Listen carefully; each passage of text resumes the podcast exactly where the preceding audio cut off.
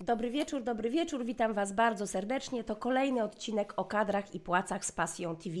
Pozostajemy, tak jak kilka ostatnich tygodni, w tematyce Polskiego Ładu. Oswajamy Polski Ład, przynajmniej próbujemy się jakoś odnaleźć w tej rzeczywistości. Dzisiaj mam niesamowitego gościa, bo moje zaproszenie na nasze dzisiejsze spotkanie przyjął pan profesor Mariański, który jest doradcą podatkowym, adwokatem, profesorem Uniwersytetu Łódzkiego, partnerem zarządzającym w Mariański Group.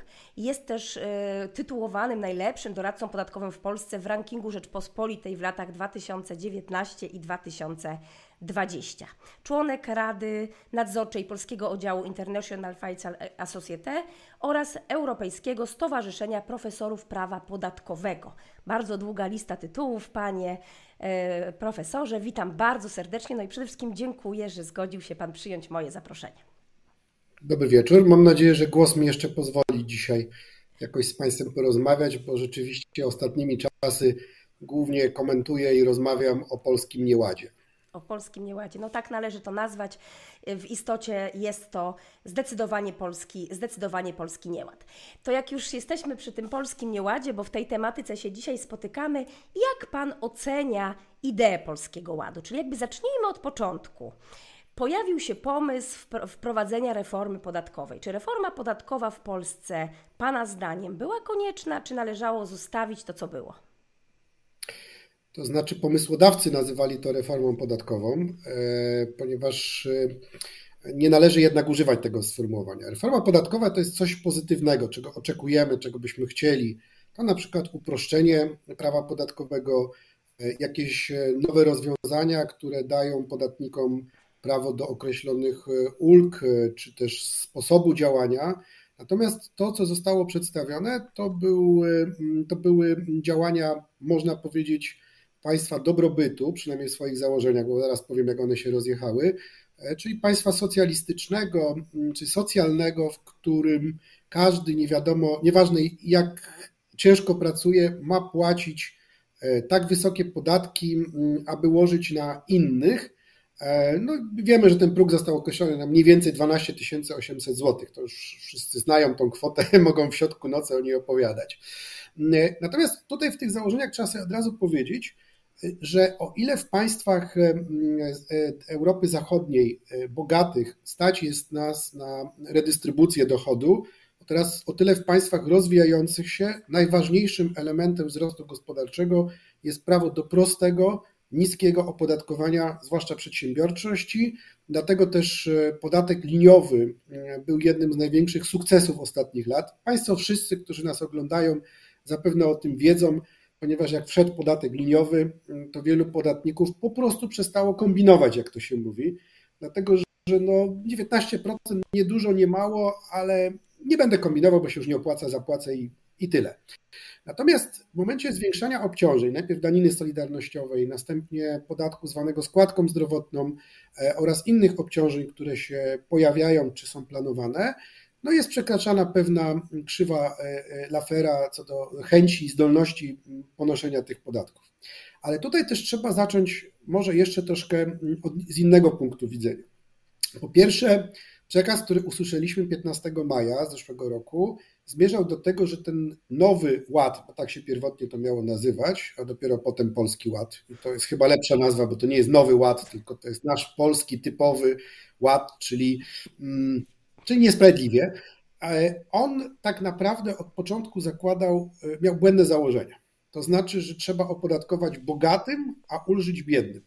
Przy czym bogaty to nie jest ta osoba, która ciężko pracuje, żeby osiągnąć większy dochód, tylko bogaty, jak rozumie się na świecie, to jest najczęściej ta osoba, która skumulowała jakiś majątek duży. To jest to 1% e, ludzi na świecie, które mają 90% majątku, czyli na przykład właściciele wielkich korporacji.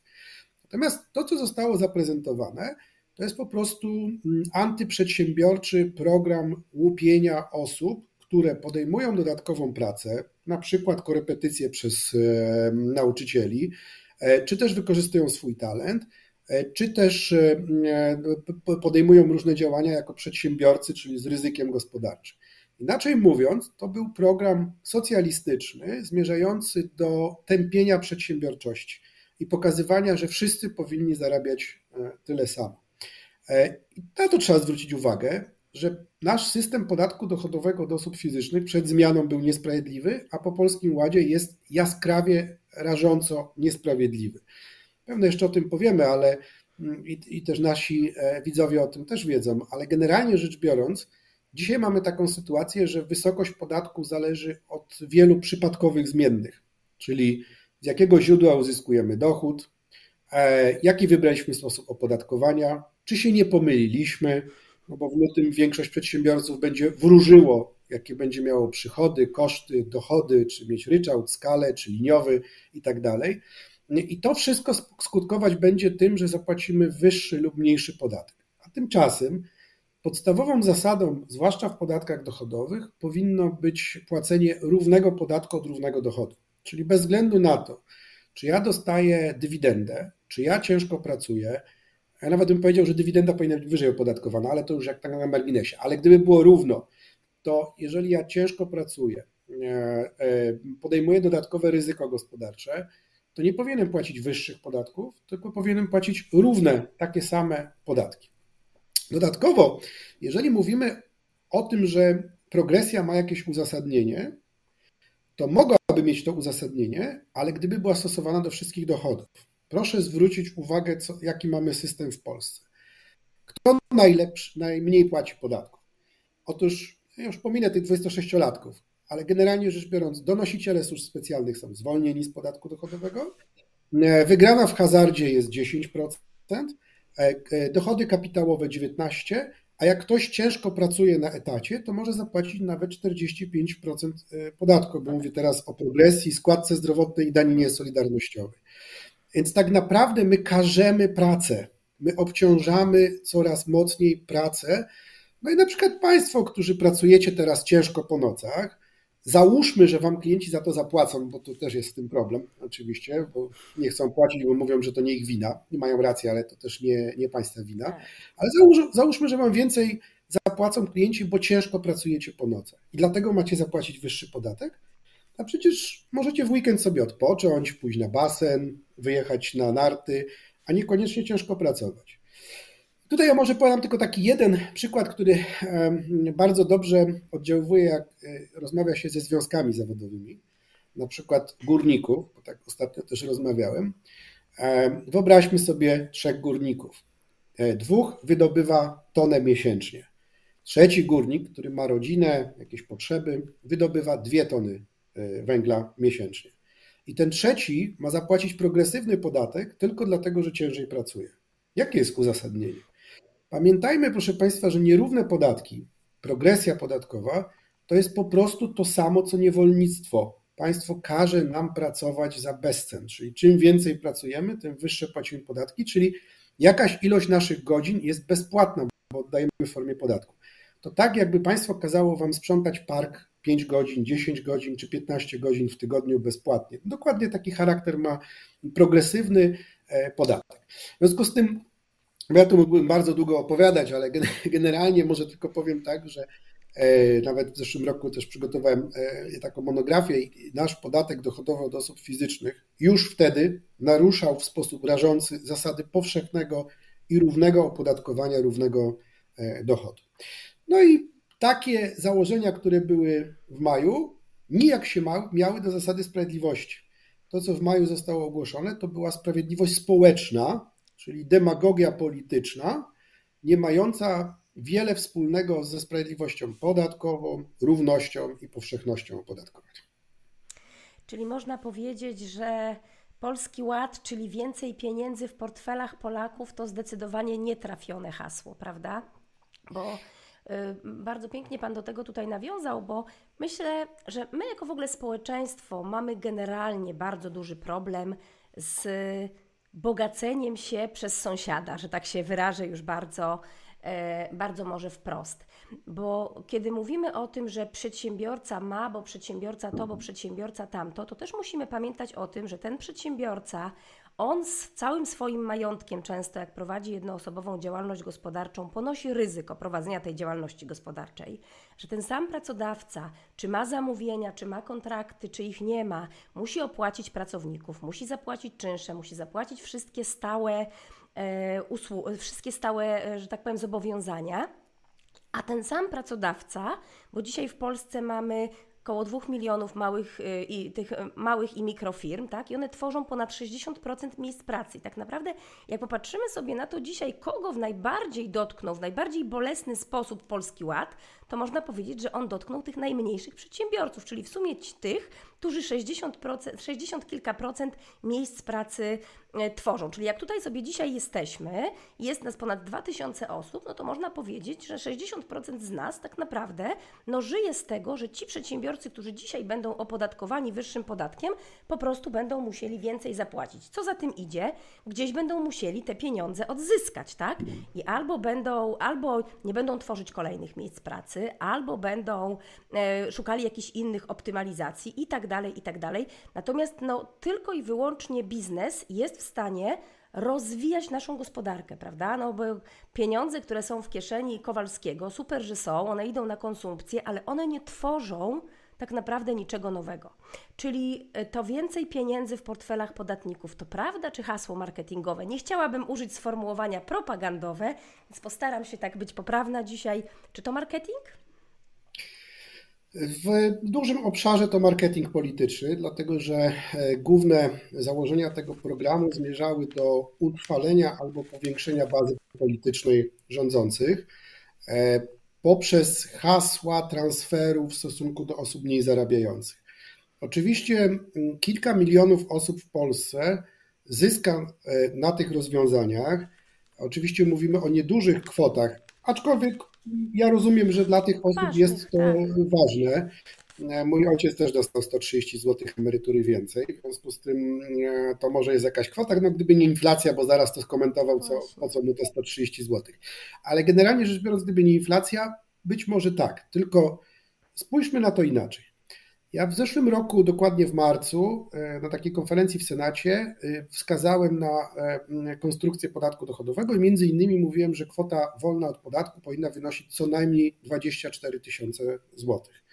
I teraz rząd wprowadza kwotę wolną od podatku. Proszę Państwa, ta, ta, ten przepis jest niekonstytucyjny, dlatego że nie jest to kwota wolna, tylko jest zmniejszenie podatku z 17 na 9, dlatego że składka zdrowotna to jest podatek, tylko celowy. E, I mamy już orzeczenie Trybunału Konstytucyjnego, że nie wolno opodatkowywać dochodu, e, który nie pozwala na e, minimalną egzystencję. I teraz załóżmy sobie, sobie, że osoba, która mm, uzyskuje rocznie 20 tysięcy złotych dochodu mm, z umowy zlecenia, ma zapłacić 9% tego podatku.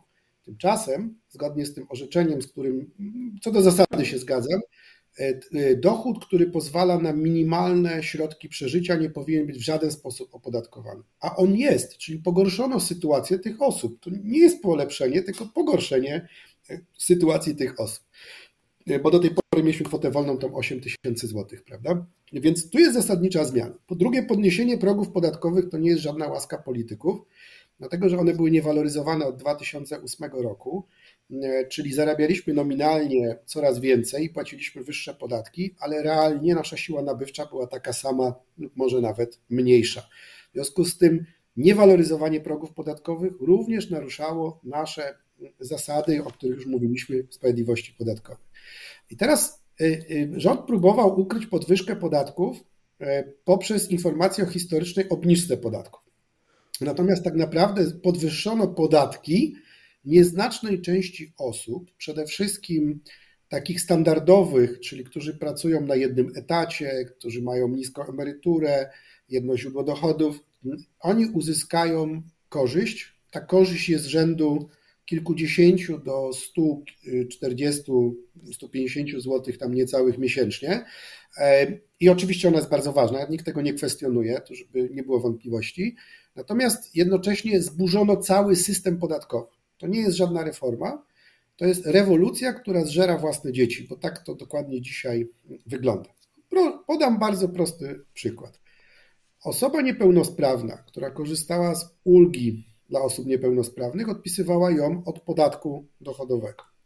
Teraz mamy kwotę wolną 30 tysięcy od podatku dochodowego, ale mamy 9% e, składki zdrowotnej, tak, którą płacimy. Co do zasady, teraz uogólniam oczywiście. Tak. od składki zdrowotnej nie odpiszemy wydatków rehabilitacyjnych, a podatek jest mniejszy, ponieważ na przykład mamy dochód 50 tysięcy. W związku z tym podatek dochodowy płacimy od 20, a nie od 42 jak do tej pory. Składkę zdrowotną płacimy od całości, ale podatek dochodowy już tylko od tej kwoty powyżej kwoty wolnej mm, od podatku. W związku z tym mniejszą kwotę odpiszemy jako osoba niepełnosprawna, czy, czy inne ulgi tego typu będą w mniejszej mm, wysokości odpisywane. E, druga sytuacja, e, autentyczna, zresztą mojej koleżanki, która pracuje na dwóch etatach, jest osobą, sam matką samotnie wychowującą dzieci.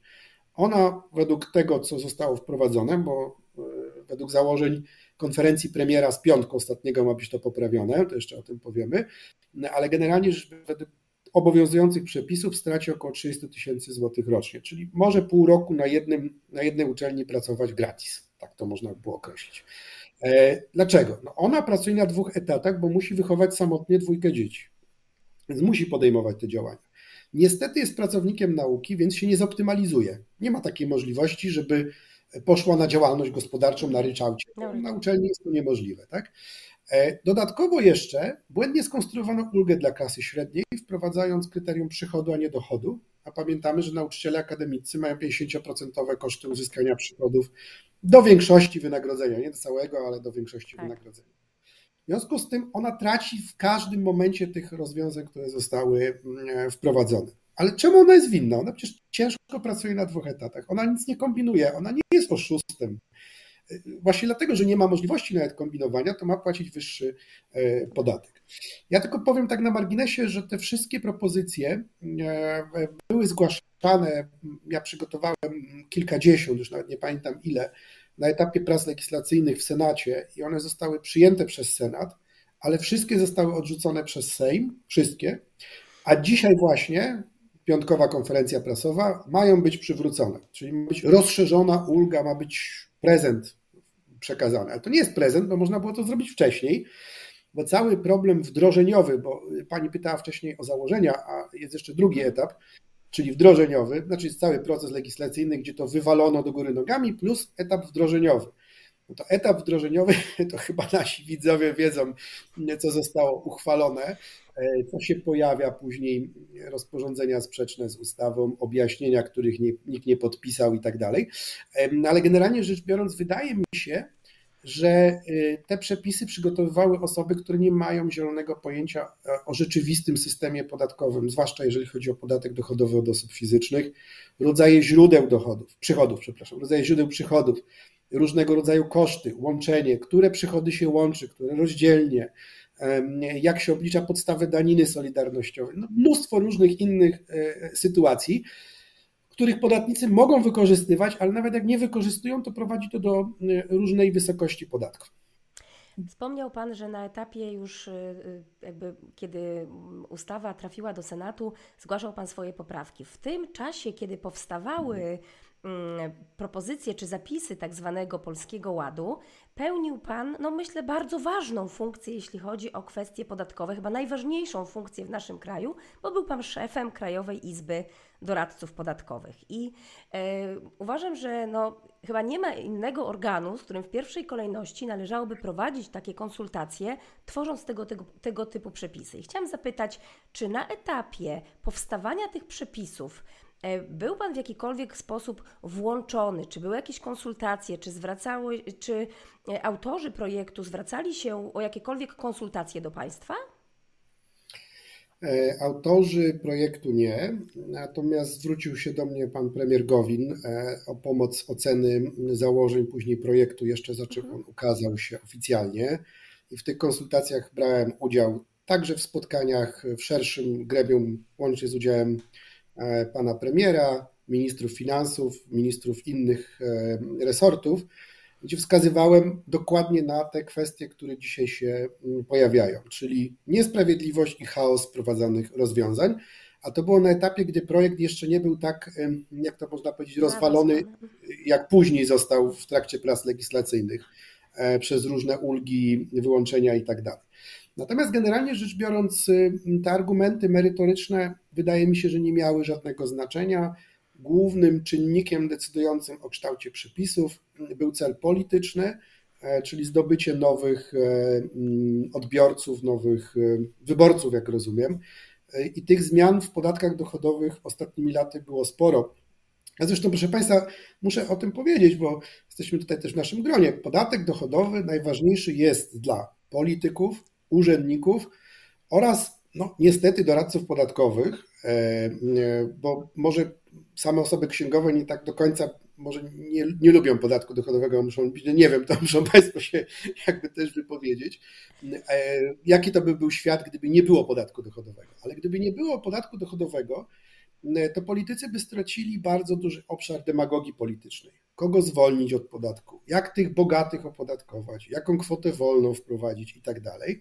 Urzędnicy mieliby mniej do kontroli, bo wiemy, że to jest największy problem sporny, e, bo dzisiaj VAT to już troszeczkę inaczej się ocenia. Natomiast e, generalnie rzecz biorąc, e, doradcy podatkowi mają zdecydowaną zdecydowaną część swojej działalności związaną z podatkami dochodowymi. Tak? To jest zarówno od, od biznesu, jak i, te, jak i PIT oczywiście, od pracowniczy, czy w ogóle zleceniobiorców i tak dalej, czyli PIT płatniczy. Natomiast generalnie rzecz biorąc, można sobie wyobrazić system podatkowy bez podatku dochodowego i to jest moje marzenie, żeby kiedyś taki e, wprowadzić, albo zastępując go podatkiem przychodowym najłatwiej obliczalnym, ale nie tym tylko żebym tu dobrze był zrozumiany, nie tym, który jest w tej ustawie uchwalonej, tak zwany minimalny podatek przychodowy, mm, bo ten podatek powstał... Podatek od straty? Tak, podatek od straty, bo pomysł na ten podatek powstał y, w trakcie śniadania w Karpaczu na forum ekonomicznym, a po południu pojawiły się przepisy, więc generalnie rzecz biorąc jest tak samo wart jak szybkość jego pisania, mm, więc jest wypaczeniem istoty podatku przychodowego. Natomiast podatek według stawek to trzeba było określić, ale między 0,7 a 1% mm, przychodu e, zagwarantowałby równość opodatkowania przychodu z działalności gospodarczej i brak możliwości unikania mm, opodatkowania. No, oczywiście doradcy podatkowi pewno by na tym stracili. No, taka jest rzeczywistość. E, natomiast no, pocieszę tu koleżanki i kolegów, jeżeli są wśród nas, że no, raczej żaden z polityków tego nie wprowadzi, bo też by stracił pole do swojej demagogii, więc podatki dochodowe będą pewno długo z nami na, na świecie funkcjonowały. Zanim przejdziemy dalej do krytyki Polskiego Ładu, to takie pytanie, co jest dobrego w tym Polskim Ładzie? Jakaś jedna, dwie rzeczy, które uważa Pan, że one są, że tak powiem, no takie korzystne?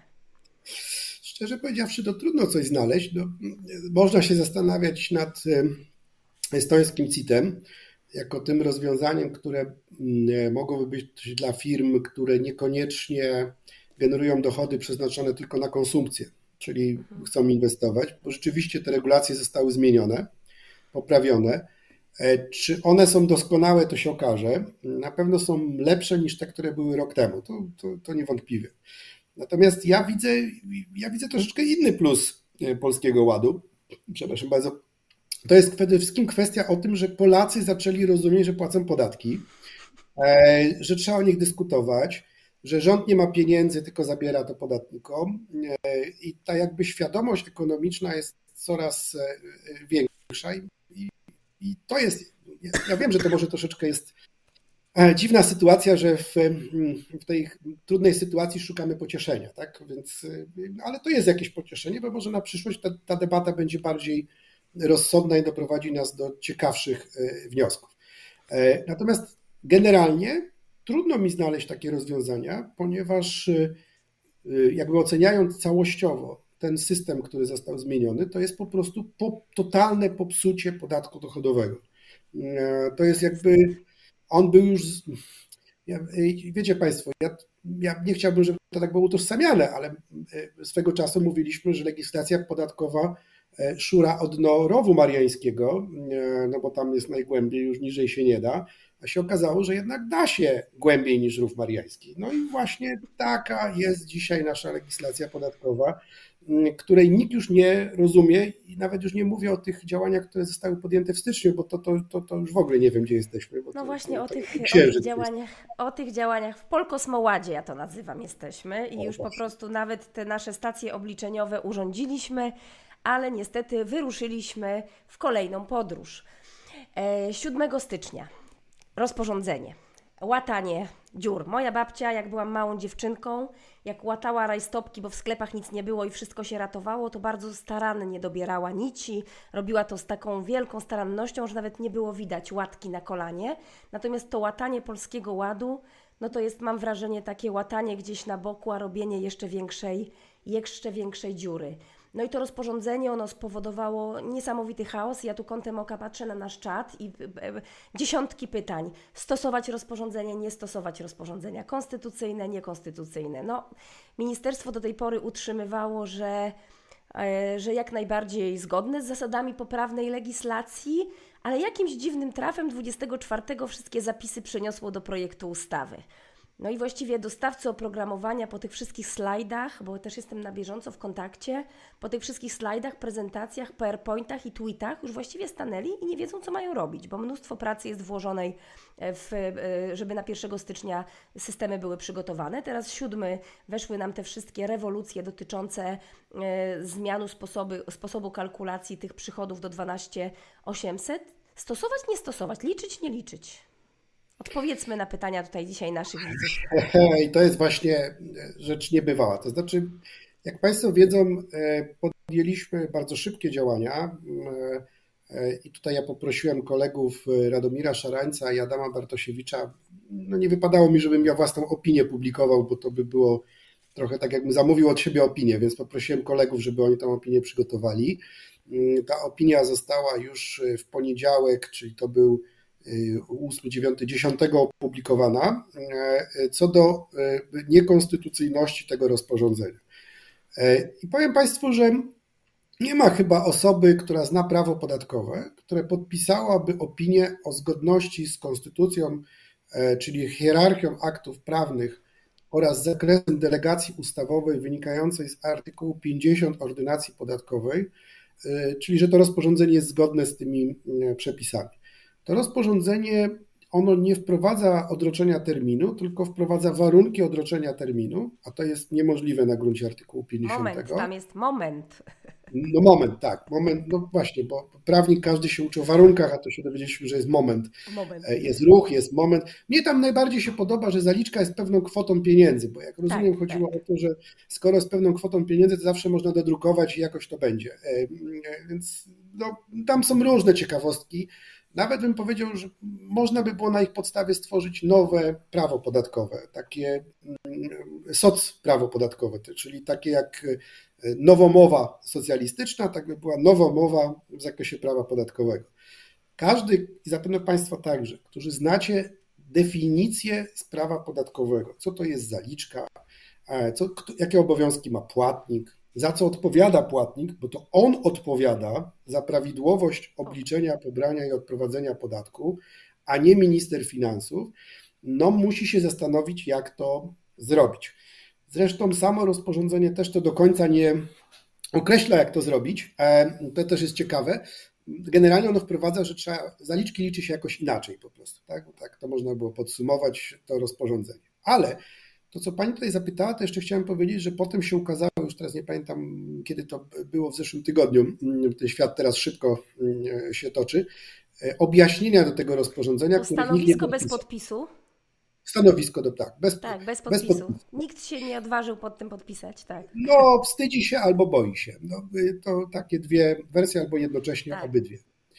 I wczoraj minister Finansów na konferencji prasowej ogłaszając tą ustawę powiedział, że rozporządzenie jest zgodne z prawem, ale my je przenosimy do ustawy. No, jeżeli jest zgodne z prawem, to nie potrzeba przenosić do ustawy. To w ogóle nie ma takiej e, potrzeby. No i ogłaszając kolejną zmianę w ustawach podatkowych, powiedział, że zależy im na stabilności prawa podatkowego. To naprawdę anegdota sytuacyjna, idealna tego, co się, e, co się dzieje. I teraz odpowiadając na to pytanie. Nie chciałbym być płatnikiem i podejmować decyzji na podstawie tego rozporządzenia. E, oczywiście Krajowa Administracja Skarbowa jest związana również rozporządzeniem jako aktem wykonawczym.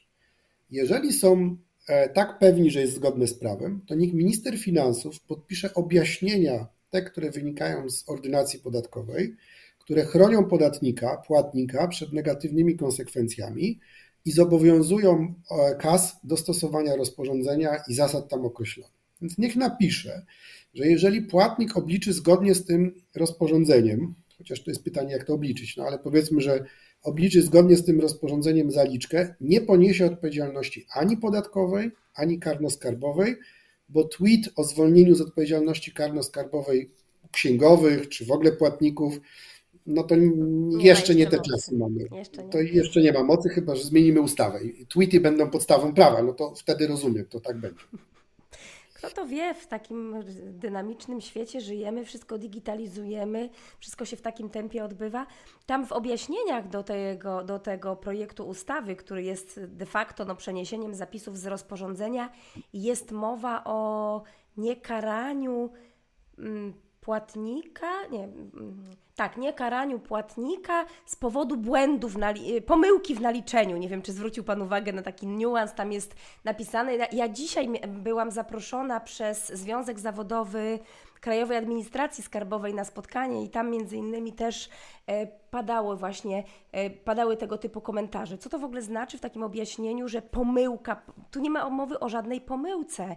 My generalnie dzisiaj stoimy no, u progu decyzji liczyć, nie liczyć. Ja już pomijam to, czy my chcemy e, to rozporządzenie stosować, czy my uważamy, że ono jest konstytucyjne, niekonstytucyjne, bo nie nam to oceniać, tylko powinien to zrobić Trybunał, ale my nie mamy narzędzi, bo myślę, że podstawowym problemem jest to, że my nie mamy narzędzi. Przecież ja nie będę sobie na kartce zapisywać dla tysiąca pracowników yy, podatek do przeniesienia i, i nadwyżkę, którą potrącę za, za kilka miesięcy. Czy Pan uważa, że coś można naprawić jeszcze w tym Polskim Ładzie? Ja tu tylko dodam, że jeszcze wczoraj minister Kościński powiedział, że jak ktoś, może się zdarzyć, że ktoś dostanie mniejsze wynagrodzenie na koniec miesiąca, ale wtedy pracodawca ma obowiązek je wyrównać. Wyrównać, tak. To, to takie w ogóle też ciekawostka mm, przyrodnicza.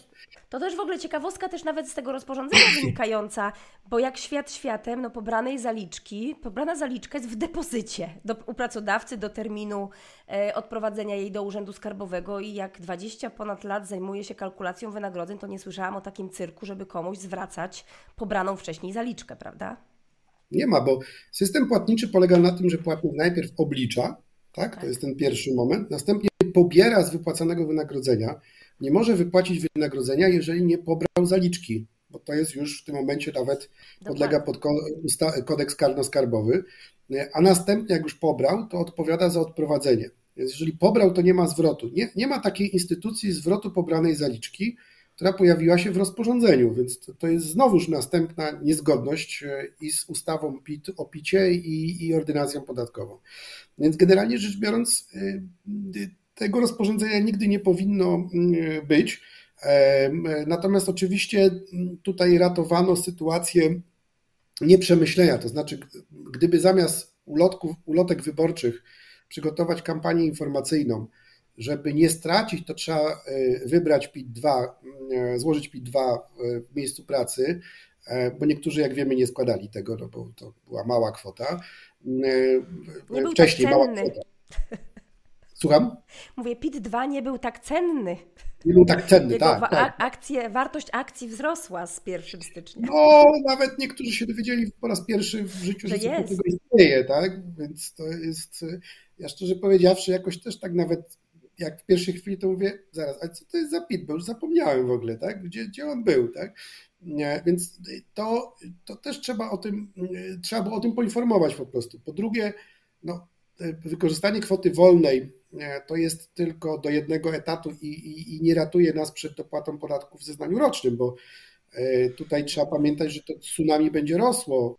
W przyszłym miesiącu czeka nas tsunami z przedsiębiorcami, czyli tymi mikro, małymi i średnimi. E, y, ja to najchętniej bym wyjechał na jakiś urlop, tak między 1 a 20 lutego i wyłączył komórkę po prostu, bo to w tym momencie mm, wszystkich nas czeka po prostu telefon, telefony nas czekają od przedsiębiorców i przeliczanie, co im się opłaca. E, no ale można zawsze Trzeba wybrać formę opodatkowania, znaczy wybrać. Można zmienić, tak, jeśli ktoś zdecyduje. No chyba, że Państwo dodatkową usługę wprowadzą, na przykład wróżby, nie? To a, też jest tak, wtedy można to zrobić który system. Natomiast odpowiadając, co można poprawić w tym, w tym e, całym systemie, w tym bałaganie, który jest. Otóż Ja bym się w życiu nie podjął w tej chwili poprawiania tego, bo to jest masakra, żeby to naprawić w trakcie roku. Ja bym przygotował ustawę, która z dniem 1 stycznia przyszłego roku uchyla te wszystkie regulacje E, z ewentualnym pozostawieniem jakiejś kwoty wolnej i podniesieniem progów. I to jest najprostsze, najlepsze rozwiązanie, które sobie mm, wyobrażam. E, natomiast y, musimy pamiętać, że y, ustawa o podatku dochodowym osób fizycznych musi być napisana na nowo. E, tylko, żeby ją napisać na nowo, to jest 2-3 lata, żeby to przetestować, sprawdzić, poddać rzeczywistym konsultacjom społecznym bo tutaj mm, nie wiem, czy Państwo to obserwowali, były konsultacje społeczne, ale proszę sobie wyobrazić, że w stosunku do na przykład Krajowej Izby Doradców Podatkowych, nie pamiętam teraz dokładnie, stu kilkudziesięciu poprawek, które były zgłoszone, uwzględniono jakąś jedną e, stylistyczną, która tam był błąd w, w tekście ustawy. E, to są takie konsultacje społeczne. Ale to już jest wina projektodawców, bo gdyby oni pomyśleli, że to jest z korzyścią dla nich, żeby to przeczytać i poprawić, to części chaosu by nie było. No. Przynajmniej części. Tak? No i, i to jest zagadnienie, o którym musimy pamiętać. Akty prawne tego typu na świecie uchwala się z vacatio legis, czyli tym okresem wejścia w życie, co najmniej 6 miesięcy, jak nie rok. I to powinien być standard. E, także pod takim kątem, że dostosowanie systemów kadrowych, kadrowo-płatniczych płacowych, przepraszam, no jest, jest problemem, no bo tu było 6 tygodni od uchwalenia ustawy, a teraz było kilka dni od 4,5 wejścia... godziny. Czy 4,5 godziny od wejścia rozporządzenia, godziny. tak? Na wejście rozporządzenia 4,5 no tak. godziny. No. no. tak, ale to no, powiedzmy, że w poniedziałek trzeba było to zrobić, więc były jeszcze sobota i niedziela ewentualnie. No, Okej. Okay. Więc y, no, to już mniejsze, mniejsze znaczenie, czy 4,5 no godziny, no tak, czy 2 dni, bo to już e, jakby jest... To i tak natomiast, śmiech przez łzy. Natomiast to oczywiście jest, to, takie sytuacje nie powinny się w ogóle zdarzać w żadnym państw, państwie. Mm, e, oczywiście nie powinny zdarzać się sytuacje, gdy ktoś wychodzi z ministrów i mówi, że to wina księgowych. To, to, to, to już jest w ogóle e, lekki skandal, bym powiedział. Ta osoba w normalnym państwie, w którym istnieje demokracja, taka prawdziwa demokracja, następnego dnia podałaby się do dymisji, e, bo to jest wina, zresztą wszyscy w Ministerstwie Finansów powinni się podać do dymisji. Bo abstrahując od założeń Polskiego Ładu, które powiedziałem, że są nietrafione, szkodliwe dla gospodarki, to realizacja była taka, jakiej Polska jeszcze nie widziała. Takiej legislacji podatkowej Państwo pracują ileś tam lat już, tak? No nie było nigdy, tak? Były zmiany różne. teraz proszę sobie wyobrazić skutki tych zmian. Była swego czasu tak zwana ulga meldunkowa. Jak tam byłem zameldowany, to sprzedając mieszkanie nie musiałem płacić e, podatku dochodowego. Ona była także napisana, że spory trwały chyba 12 lat co do interpretacji tych przepisów aż ostatecznie NSA zrozumiał, o co chodzi w tych przepisach i część podatników odzyskała swoje mm, podatki. To był jeden przepis. A my teraz mamy setki zwolnień, wyłączeń, ulg, klasa średnia, łączenie, niełączenie, składki, nieskładki, zwroty i tak dalej. Proszę Państwa, ja to widzę y, mniej więcej tak samo jak odbudowę naszego deficytu zdrowia, czyli zapaść służby zdrowia to jest problem na najbliższe 20 lat ten problem, który jest w Polskim Ładzie, to jest rozwiązywanie przynajmniej 10 lat, bo najwcześniej za 4-5 lat sprawy zaczną trafiać do sądów, sądy zaczną wydawać wyroki, będzie jakaś interpretacja tych przepisów i tak dalej. W związku z tym my będziemy walczyć z Polskim Ładem przynajmniej 10 lat, o ile on zostanie poprawiony, bo mi się wydaje, że w przyszłym roku nie będzie woli politycznej, żeby uchylić te przepisy, tylko dalej je łatać czyli będziemy mieć kolejne problemy w następnym roku e, podatkowym.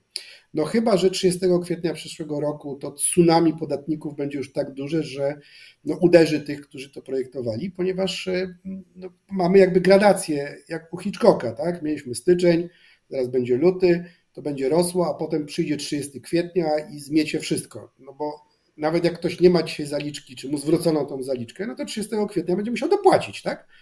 No to jak będzie musiał dopłacić 30 kwietnia, to powie, no jak to? No, czy miałem nie dopłacać? To nie jest nieprawda.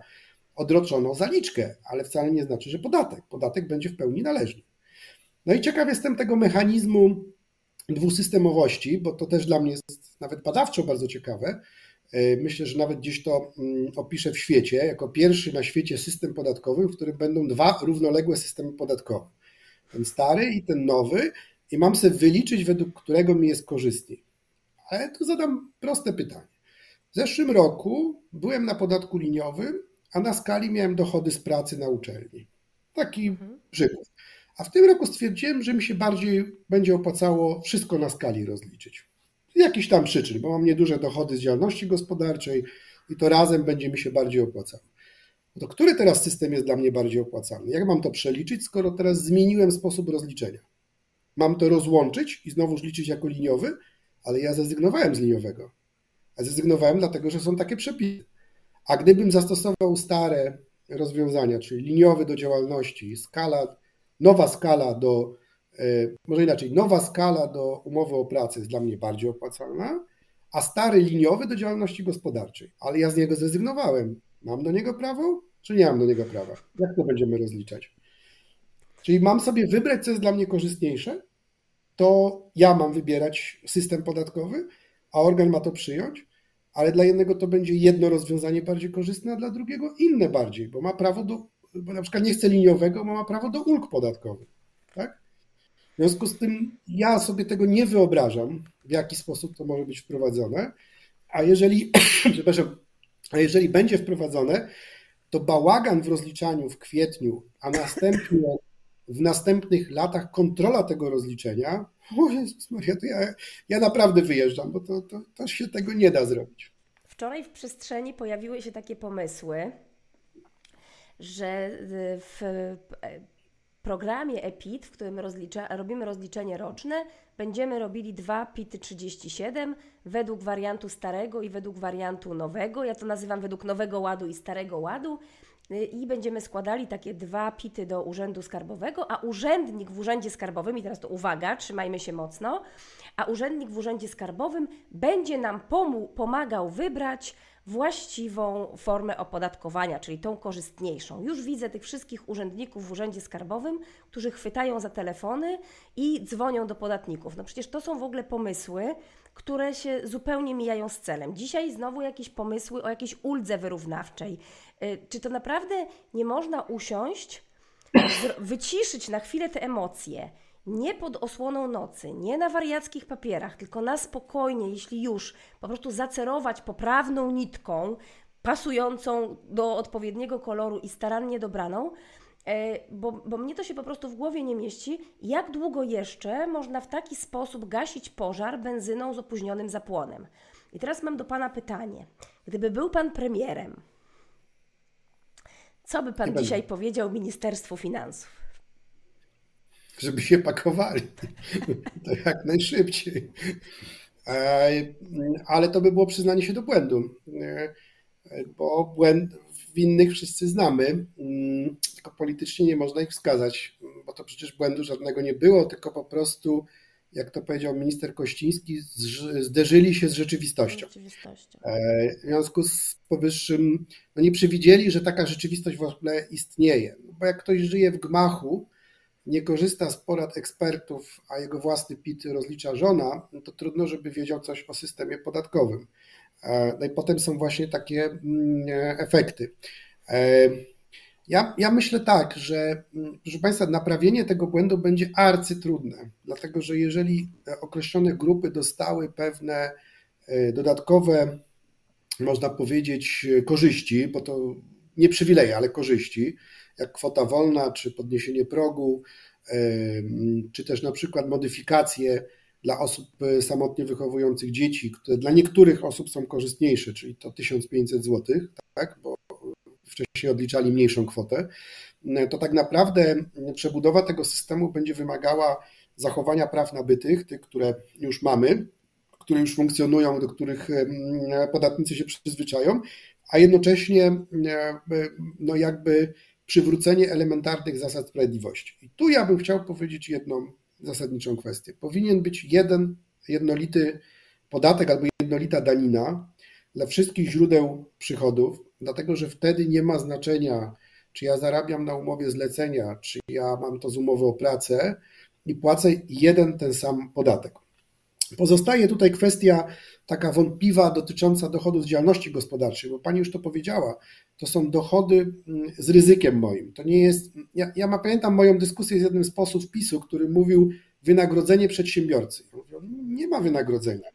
On ma dochód z działalności gospodarczej, to nie jest to samo. On mówi, no ale przecież to sobie może wydać. Ja mówię, jak będzie miał, to sobie wyda, bo nie zawsze będzie miał, bo nie ściągnie, e, bo zbankrutuje e, klient. A po drugie, e, to on musi mieć jeszcze na inwestycje.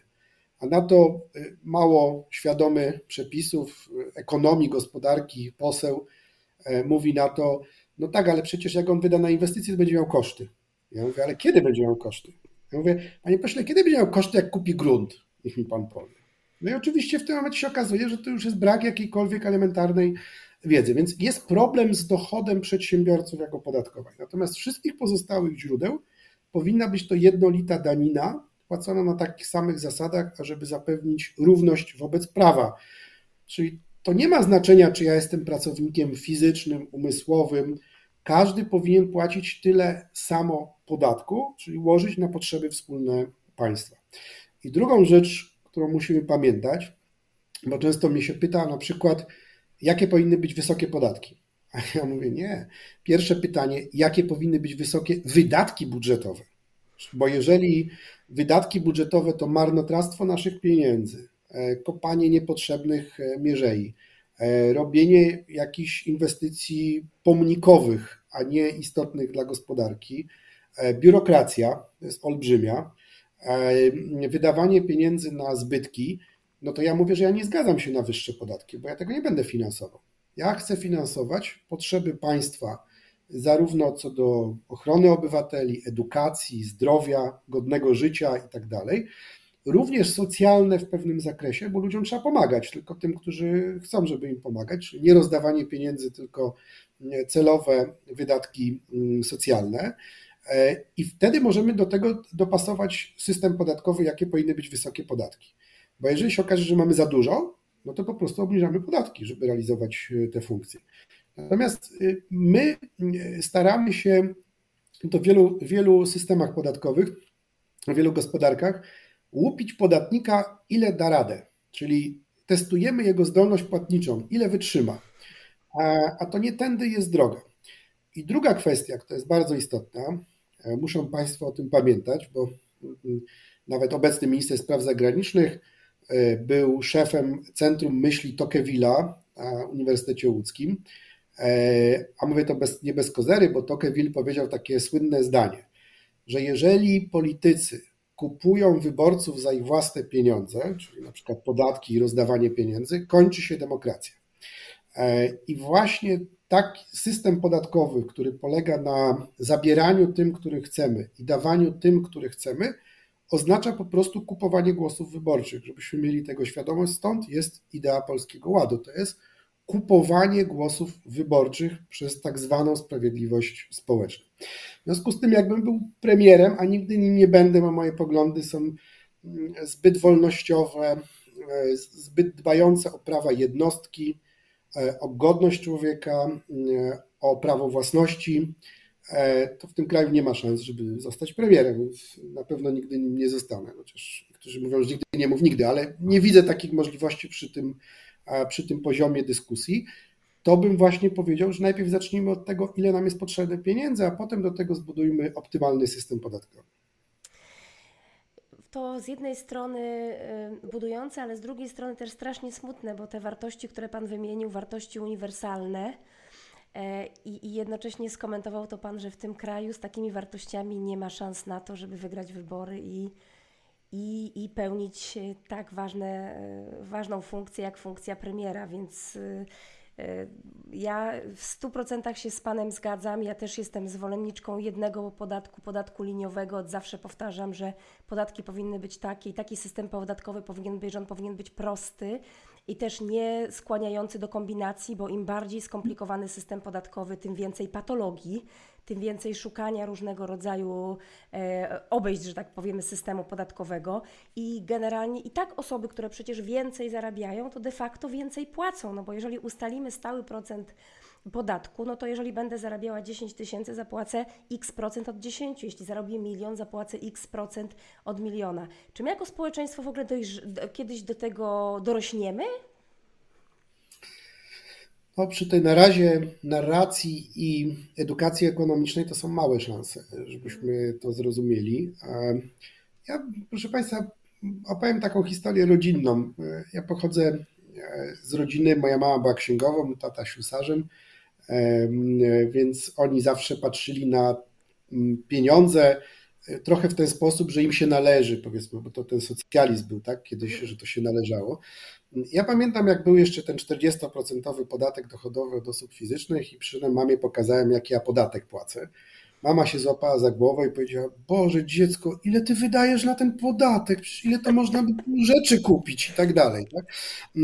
I w ogóle e, to spojrzenie. Więc to sytuacja zależy oczywiście od osoby, która ten dochód uzyskuje, ale pytanie było, dlaczego ja w ogóle płacę 40%? Bo przecież doszedłem do tego tylko i wyłącznie własną pracą i z tej pracy mam płacić 40%, a byłem cały czas na dorobku, bo byłem jeszcze wtedy młodym prawnikiem e, i jakby no, każda złotówka miała znaczenie, tak, żeby budować taki no, kapitał nawet prywatny, rodzinny, tak, więc wiadomo, że to jest dość istotne, ile tych pieniędzy mm, mamy, a ile płacimy właśnie tych podatków.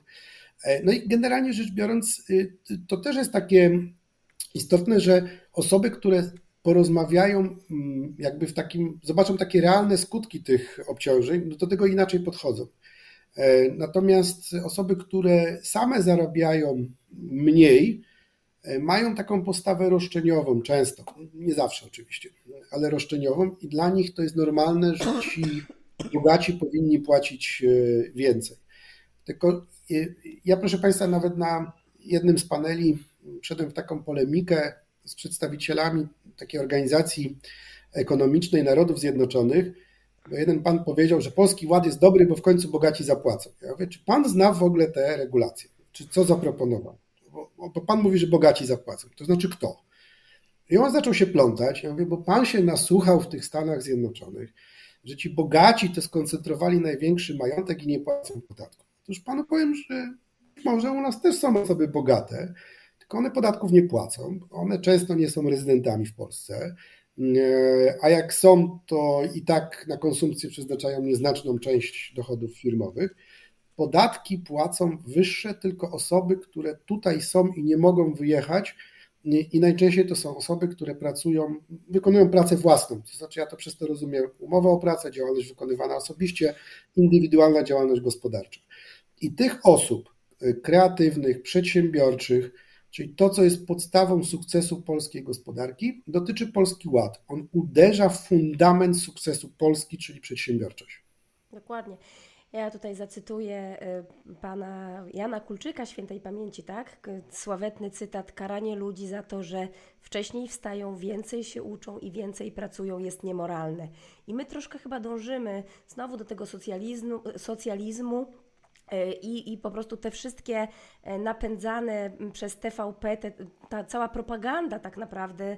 E, ostatnio przez przypadek trafiłam, pilot mi się omcknął i trafiłam na moment torebki Kasi Tusk. No ja byłam po prostu przerażona, ale z drugiej strony, jak emeryt, który 30 tysięcy rocznie ma emerytury, słyszy taki przekaz, że za półtorej miliona dofinansowania które dostał od państwa mąż pani Katarzyny, pani Katarzynie kupił torebkę za 30 tysięcy, no to to społeczeństwo nadal będzie tak, a nie inaczej decydować i wybierać. I czy, tak już konkludując i zbliżając się do końca, co my jako no, księgowi, specjaliści do spraw kadry płac, doradcy podatkowi, prawnicy, ale może też nawet nie tylko, jako świadome społeczeństwo mające tak naprawdę no, trochę pojęcia o podstawach e, ekonomii możemy zrobić na co dzień, żebyśmy gdzieś, może w którymś momencie, może jeszcze nie my, ale nasze dzieci zbliżyli się troszkę bardziej do takiego, powiedziałabym, cywilizowanego świata i systemu podatkowego i tak dalej.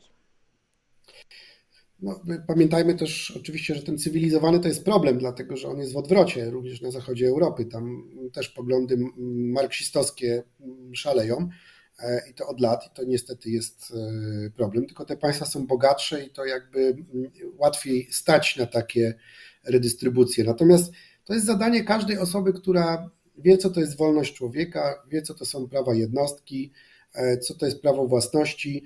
E, mówić o tym, że podatek to jest e, legalne zabieranie naszej własności, ale ono jest legalne wtedy, kiedy jest sprawiedliwe, kiedy zmierza do pokrycia uzasadnionych wydatków państwa i nie jest wprowadzane metodą prób i błędów, które są na żywym organizmie testowane, E, ponieważ w takiej sytuacji ten system przestaje być akceptowalny. Też pamiętajmy, że jeżeli tak dalej będziemy tworzyć prawo podatkowe, to za kilka lat może się okazać, że większość podatników e, będzie mówią, że lepiej oszukiwać niż płacić e, legalnie podatki. Zresztą po Polskim Ładzie obawiam się, że część osób po prostu się wyrejestruje, ucieknie w szarą strefę, bo to będzie prostsze. Jak ich nie ma, to ich nie widać i tam będą sobie funkcjonować, niż płacić ten, te podatki, które były do tej pory, bo mówię, podatek liniowy był nie za wysoki, nie za niski, ale taki, który zachęcał do płacenia. Natomiast zjadliwy. Jak, zjadliwy, tak. Natomiast no, wiecie Państwo, jak ktoś prowadzi wynajem pokoi gościnnych, no to tak naprawdę w większości przypadków jest w stanie uciec do szarej strefy, bo to się po prostu załatwi gotówką i tyle czy jest innej działalności. Nie chcę teraz wymieniać, żeby kogokolwiek e, tutaj e, obrazić, że ta działalność to szara strefa, ale no wiemy też, że przecież i prawnicy, i lekarze, i inne zawody często mogą, mają, to świadczą usługi na rzecz konsumentów. Ja co prawda ich uświadamiam o zakupie kontrolowanym, który jest teraz możliwy w świetle Polskiego Ładu. Mówię do fryzjera, uważaj, bo jak do Ciebie przyjdzie ktoś, to może to być wywiad skarbowy i, zakupić kontrolowanie Twoją usługę i zobaczyć, czy na paragonie nabiłeś. E, ale generalnie rzecz biorąc, oczywiście, i to się zdarza, już nawet gdzieś tam słyszałem o jakichś takich próbach, natomiast generalnie rzecz biorąc, ta szara strefa jest możliwa do, e, do uciągnięcia i, i, i, i tam e, działania. Więc ja myślę, że edukacja, edukacja, edukacja, przede wszystkim od młodzieży, dzieci, tłumaczenie na czym to polega, nawet na prostych przykładach jeżeli są w szkole i jest składka na jakiś szczytny cel, czy tam na, nie wiem, wycieczkę klasową, e, czy na prezent dla nauczyciela, e, czy w takim razie bogatsze dzieci powinny płacić więcej na ten prezent, czy porówno? Bo jeżeli bogatsze tak, no to wtedy trzeba powiedzieć dziecku, to ty oddaj ze swojego kieszonkowego więcej. No i zrozumie, na czym sprawiedliwość, tym razem składkowa w szkole. Ja bardzo, bardzo dziękuję, że Pan znalazł dzisiaj dla nas czas. E, przepięknie dziękuję za te fantastyczne spotkanie. E, mnóstwo takiej też myśli filozoficznej, podatkowej. Myślę, że to wszystko, czego naprawdę powinniśmy e, doświadczać każdego dnia, ale powinniśmy też spokojnie rozmawiać i edukować, nie obrażać tych osób. Przede wszystkim ja mam taką myśl, że nie powinniśmy gardzić. Myślę, że to jest największy w ogóle problem. Dlaczego doszło do tego, do czego doszło? Dlatego, że była bardzo duża pogarda dla tej najniższych klasy społecznej, dla najmniej zarabiających. E, w ogóle zupełnie nie doceniono tej grupy społecznej i, i niech edukacja i szacunek dla drugiego człowieka będą naszym tutaj drogowskazem i jestem przekonana, że w całym tym szaleństwie się odnajdziemy. Przepięknie Panu dziękuję. Moim gościem dzisiejszym i Państwa był profesor Adam Mariański. Przepięknie dziękuję, że w tej zajętości znalazł Pan dla nas czas, żeby tu z nami dzisiaj ten wieczór spędzić. Dziękuję bardzo. Może jeszcze kiedyś będzie okazja, to jeszcze o inne tematy porozmawiamy, bo ja nie generalnie jestem gadułą strasznym, tylko już teraz ostatnio wysiada mi trochę głos przez tą ilość gadania. Dobrego wieczoru, pięknie dziękuję. Dobranoc. Dobrego wieczoru. Dziękuję.